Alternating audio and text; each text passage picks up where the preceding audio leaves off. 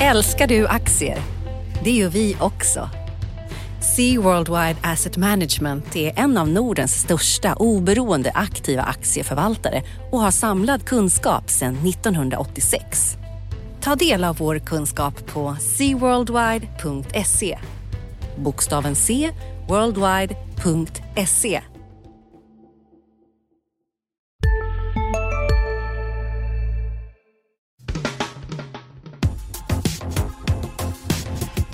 Analyspodden från Dagens Industri. Hej allihopa, välkommen till Dagens Industris analyspodd. Idag är det fredag morgon och jag sitter med eh, Johanna Jansson och mitt namn är Martin Blomgren. Hej Johanna! Hej Martin! Hur står det till? Ja men det är bara bra tack. Eh, känns skönt med fredag. Ja.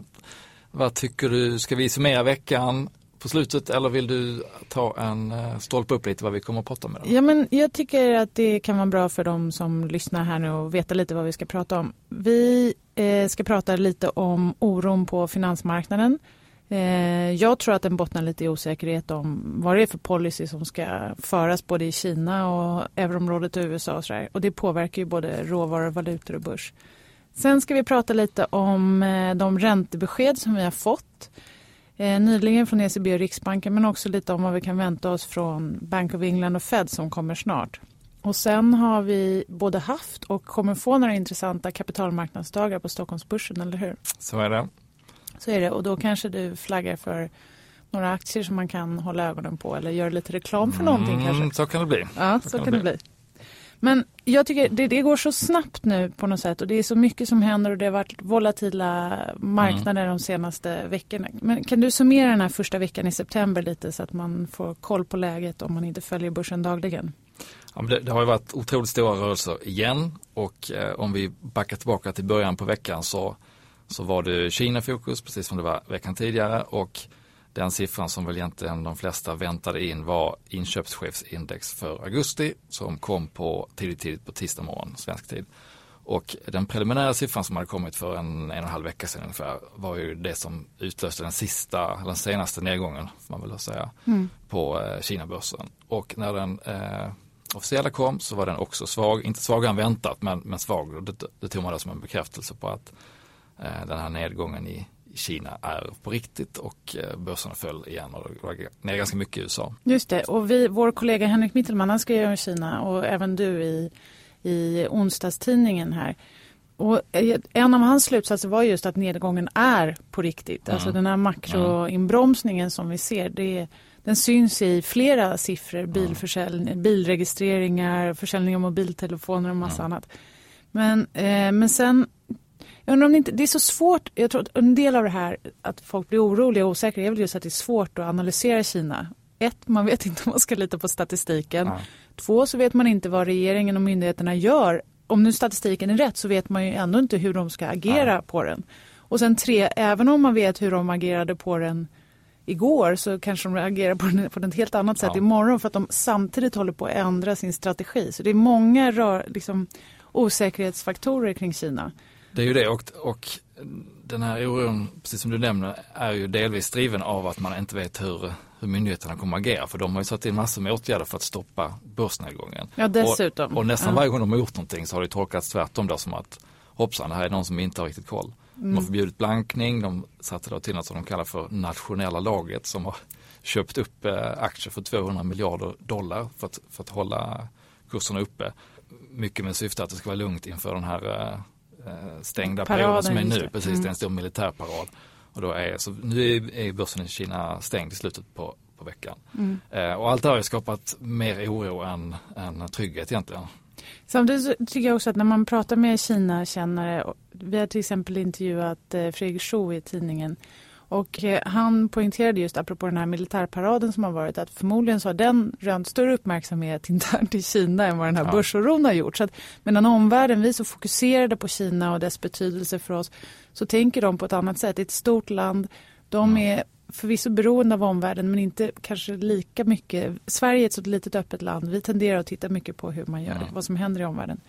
Men eh, jag tycker också så här, när man det är så mycket kring Kina som man behöver bena ut. Alltså Kina är stort och växande och kommer växa på lång sikt och ta en större plats i världsekonomin. Men sen just nu så skakar det där och de liksom håller på att bromsar in. Men mm. det är inte samma sak som att säga att de ska liksom backa sin utveckling och bli en mindre del av världsekonomin. Så Nej, det är så måste olika. Skilja liksom. på, ja. Man måste skilja, även om man tittar med, med börsvinkeln så måste man skilja på vad som händer på den kinesiska börsen där det har varit mycket privatsparare med belånade pengar som har, som har blåst upp den här senaste som visar sig vara en bubbla som nu har gått, eh, gått ner kraftigt.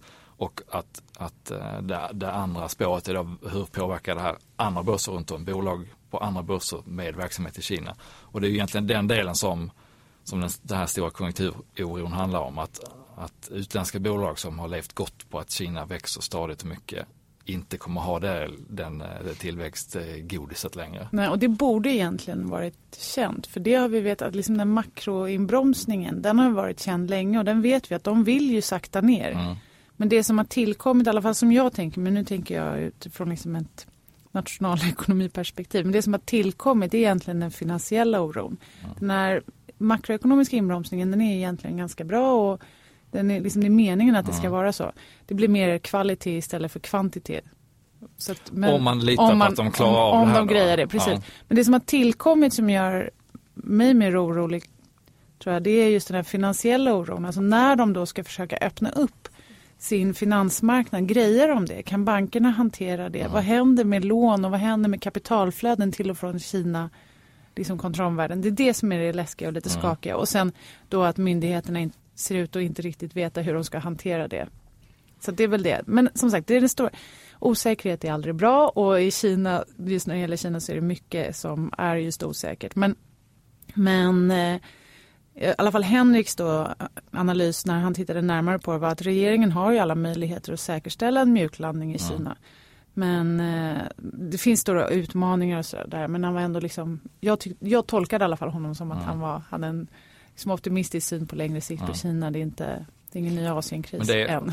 Och, och det, det, är ju lite också om man tittar ur börs eller nationalekonomvinkel för att börsen i Kina gick ju ner 4-5 år i sträck eh, fram till egentligen till förra hösten. Trots att tillväxten var mycket högre än vad den är nu. Så att man, man kan ju inte sätta likhetstecken med BNP-utveckling och börsutveckling utan det handlar helt om hur, vilka bolag som är tunga i index och eh, och massa andra faktorer. Så att, och var värderingen börjar naturligtvis och var den, var den slutar innan det vänder upp igen. Så att det är, det, är mycket att hålla reda på. Men svenskar har sålt sina Kina-fonder trots allt. Mm. Det är ingen som man har sett någon vändning där utan de, där har vi, vi har lämnat. Många privatsparare har lämnat sina. Jag tror det och många är ju medvetna om att det är hög risk och har säkert inte lagt större delen av uh, sparpengarna där får man ju hoppas.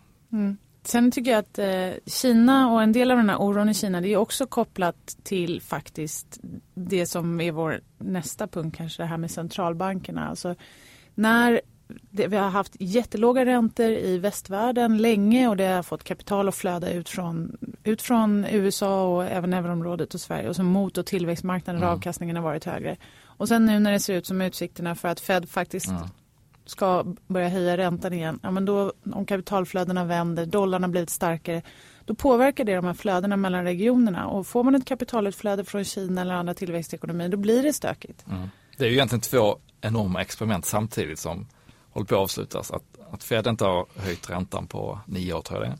Och att Kina då går över från investeringar till konsumtionsekonomi. Och, och det här ska då sammanfalla och eh, mjuklanda det är inte helt givet att, att det Nej, blir en man förstår att folk blir nervösa. Och det är lite upptrissade marknader i botten på det. Alltså det.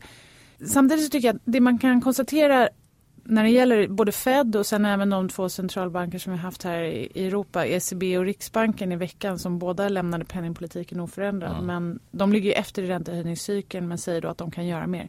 Det man kan konstatera kring allt det här är att det är alldeles för stort fokus på vad centralbankerna ska göra. Och jag tror att de själva, kanske med något undantag för någon estradör, äh, har blivit liksom motvilliga huvudrollsinnehavare här. Mm. Det är inte meningen att det ska vara så, stor, så stort fokus på 25 punkter hit eller 25 punkter dit. Och nu, har det, nu driver de verkligen marknaden mm. på ett sätt och har gjort ett tag som inte, det är inte bra.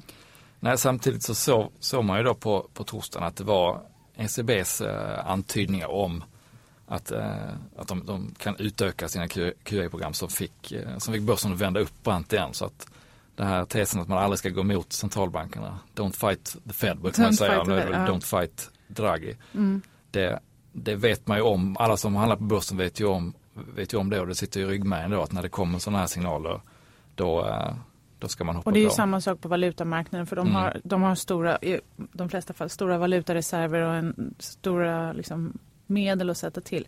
Men det är ändå så att jag tror att de har blivit motvilliga huvudpersoner i de här senaste årens dramatik samtidigt som den andra delen av stabiliseringspolitiken, finanspolitiken, där de, bara, de har liksom gömt sig i kulisserna. För mm. att anledningen till att centralbankerna har dragit på så mycket som de har gjort är att de har försökt få igång en ekonomi men de får liksom ingen hjälp någon annanstans ifrån.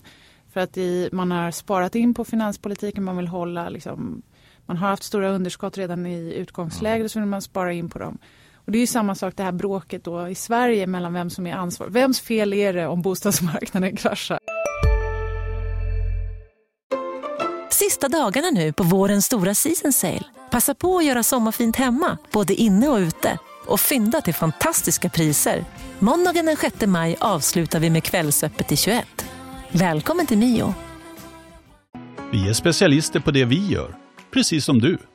Därför försäkrar vi på Swedea bara småföretag, som ditt. För oss är små företag alltid större än stora och vår företagsförsäkring anpassar sig helt efter firmans förutsättningar. Gå in på swedea.se företag och jämför själv.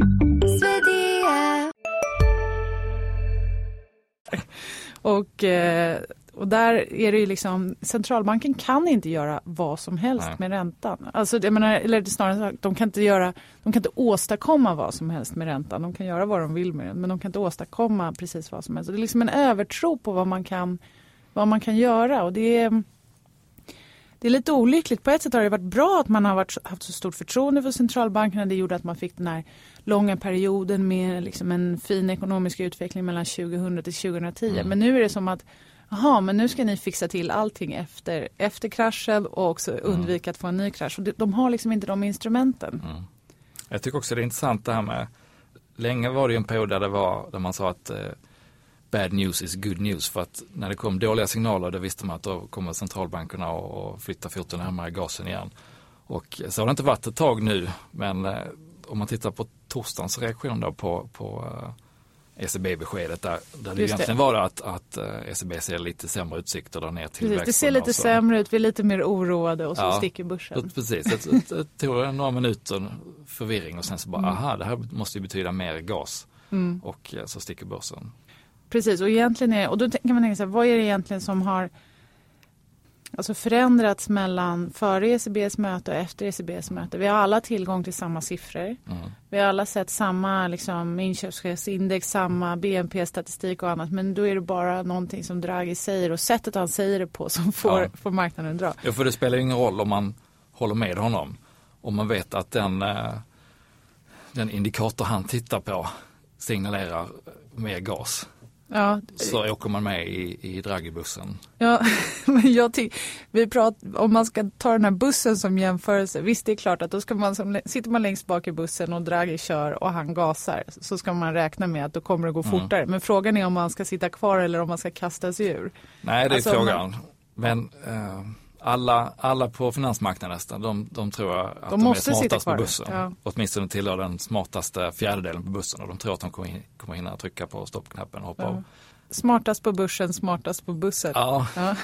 Det är lättare med stockholmskan än med ja, helsingborskan.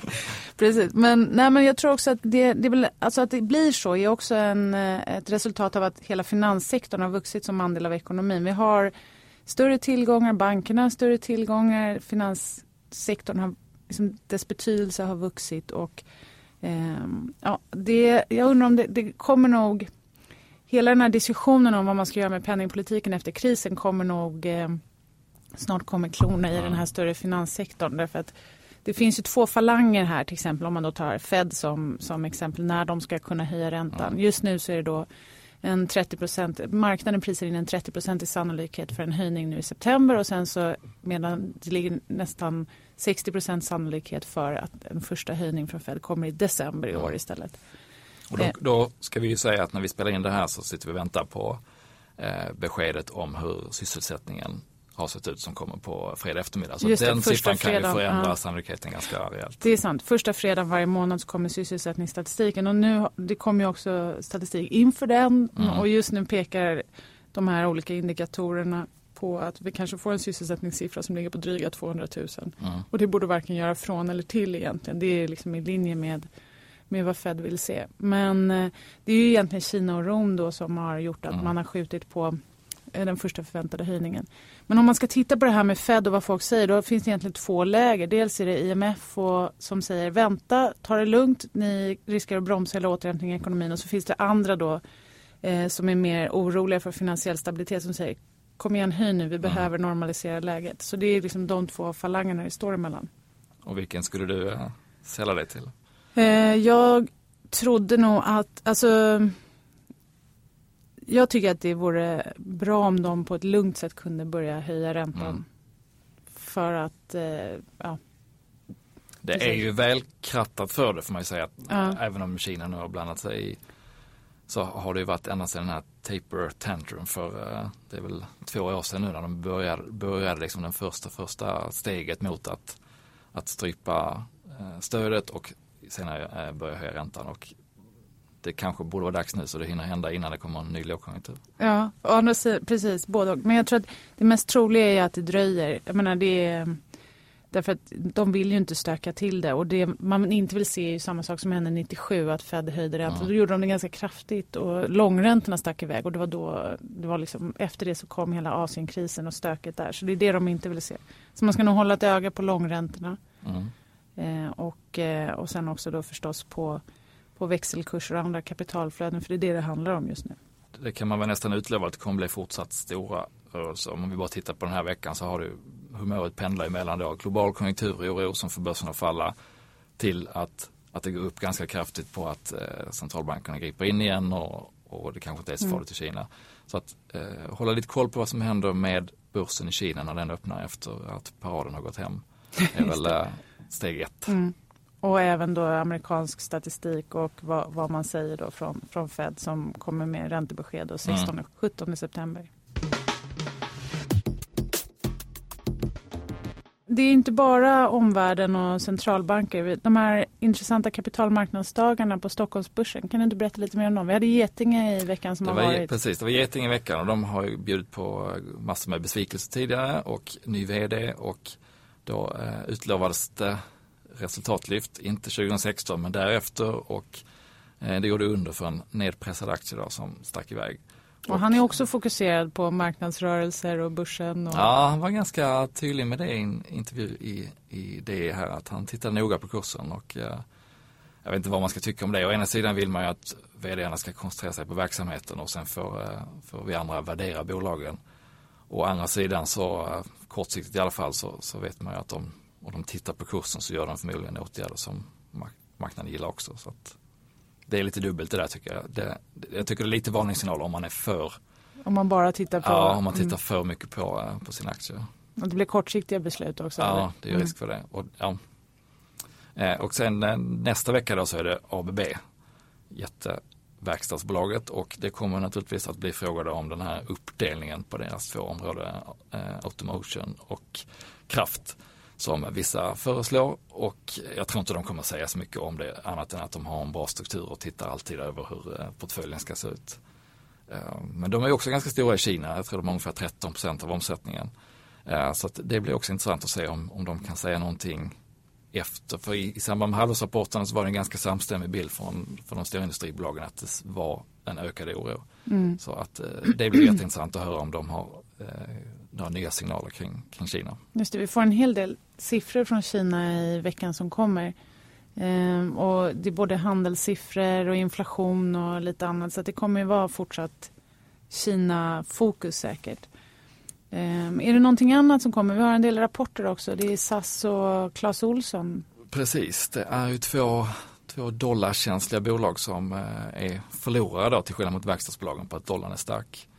Eh, SAS på tisdag och det har också varit rörliga delar i deras verksamhet. Oljepriset går ner och det är då positivt för Men de brukar hedga. SAS. Det tar lite Ja, tid för dem innan. Precis, de hedgar- har hedgat ungefär 80 procent så att det tar tid innan det där sipprar igenom och, eh, och de andra flygbolagen har också hedgat så att eh, det där är lite nollsummespel på kort sikt. Men, men i takt med att oljan har varit låg nu länge så kommer det att, sippra igenom och då får de ju välja antingen behålla de här vinsterna eller sänka biljettpriserna och när de tampas med bolag som Ryanair och EasyJet och sådär så tror jag inte man ska räkna med att, att de får behålla speciellt mycket. Tyvärr. Nej, det, då blir det ännu jobbigare för Ingves. Tyvärr för SAS och eh, bra för kunderna. Mm, så blir det. Men eh, vi flaggade för att du skulle ge, göra lite reklam för någonting som du tittar lite extra på. Mm, jag har tittat på ett eh, spännande litet verkstadsbolag som har flugit lite under radarn tycker jag. Eh, men det får man läsa om i tidningen på måndag. Det kan jag inte avslöja rådet på den aktien än. Nej, spännande. Du kanske inte vet än riktigt? Nej, jag vet. Du vet? Ja, Okej, okay. ja, jag får pumpa dig när vi går ut från ja. den här studion då. Men om man ska försöka knyta ihop den här säcken kring vad vi har pratat om så det är väl liksom att det är väldigt starka strömmar överlag på finansmarknaden. Alltså det rycker och drar ja. från olika håll. Det är ju stora rörelser. Vi har inte ens pratat om oljan men där har det mm. varit 5, 6, 7 procent dagligen i rörelser. Mm. Så att det, är, det är ett spänt läge och när det, när det är bra dagar då är det lätt att känna att ah, men det var inte så farligt och sen så händer något så blir det lika mycket ner. Så att, eh, och det brukar inte bara plana ut och bli låga rörelser under direkt efter utan det brukar ta ett tag innan sånt här verkar ut. Och det måste nästan någonting till för att det ska bli så eller hur? Vad ja. tror du att det, det och är det, är det Fed vi väntar på egentligen? Det är Fed och möjligtvis att det kommer signal från Kina att, uh, att det här hacket i kurvan var bara ett litet hack, inte, inte den stora bromsen som har slått till. Mm, det kanske dröjer. Ja, då får vi se. Men det blir spännande. Håll i hatten helt enkelt. Håll i hatten och trevlig helg. Analyspodden från Dagens Industri. Programmet redigerades av Umami Produktion. Ansvarig utgivare Peter Fellman.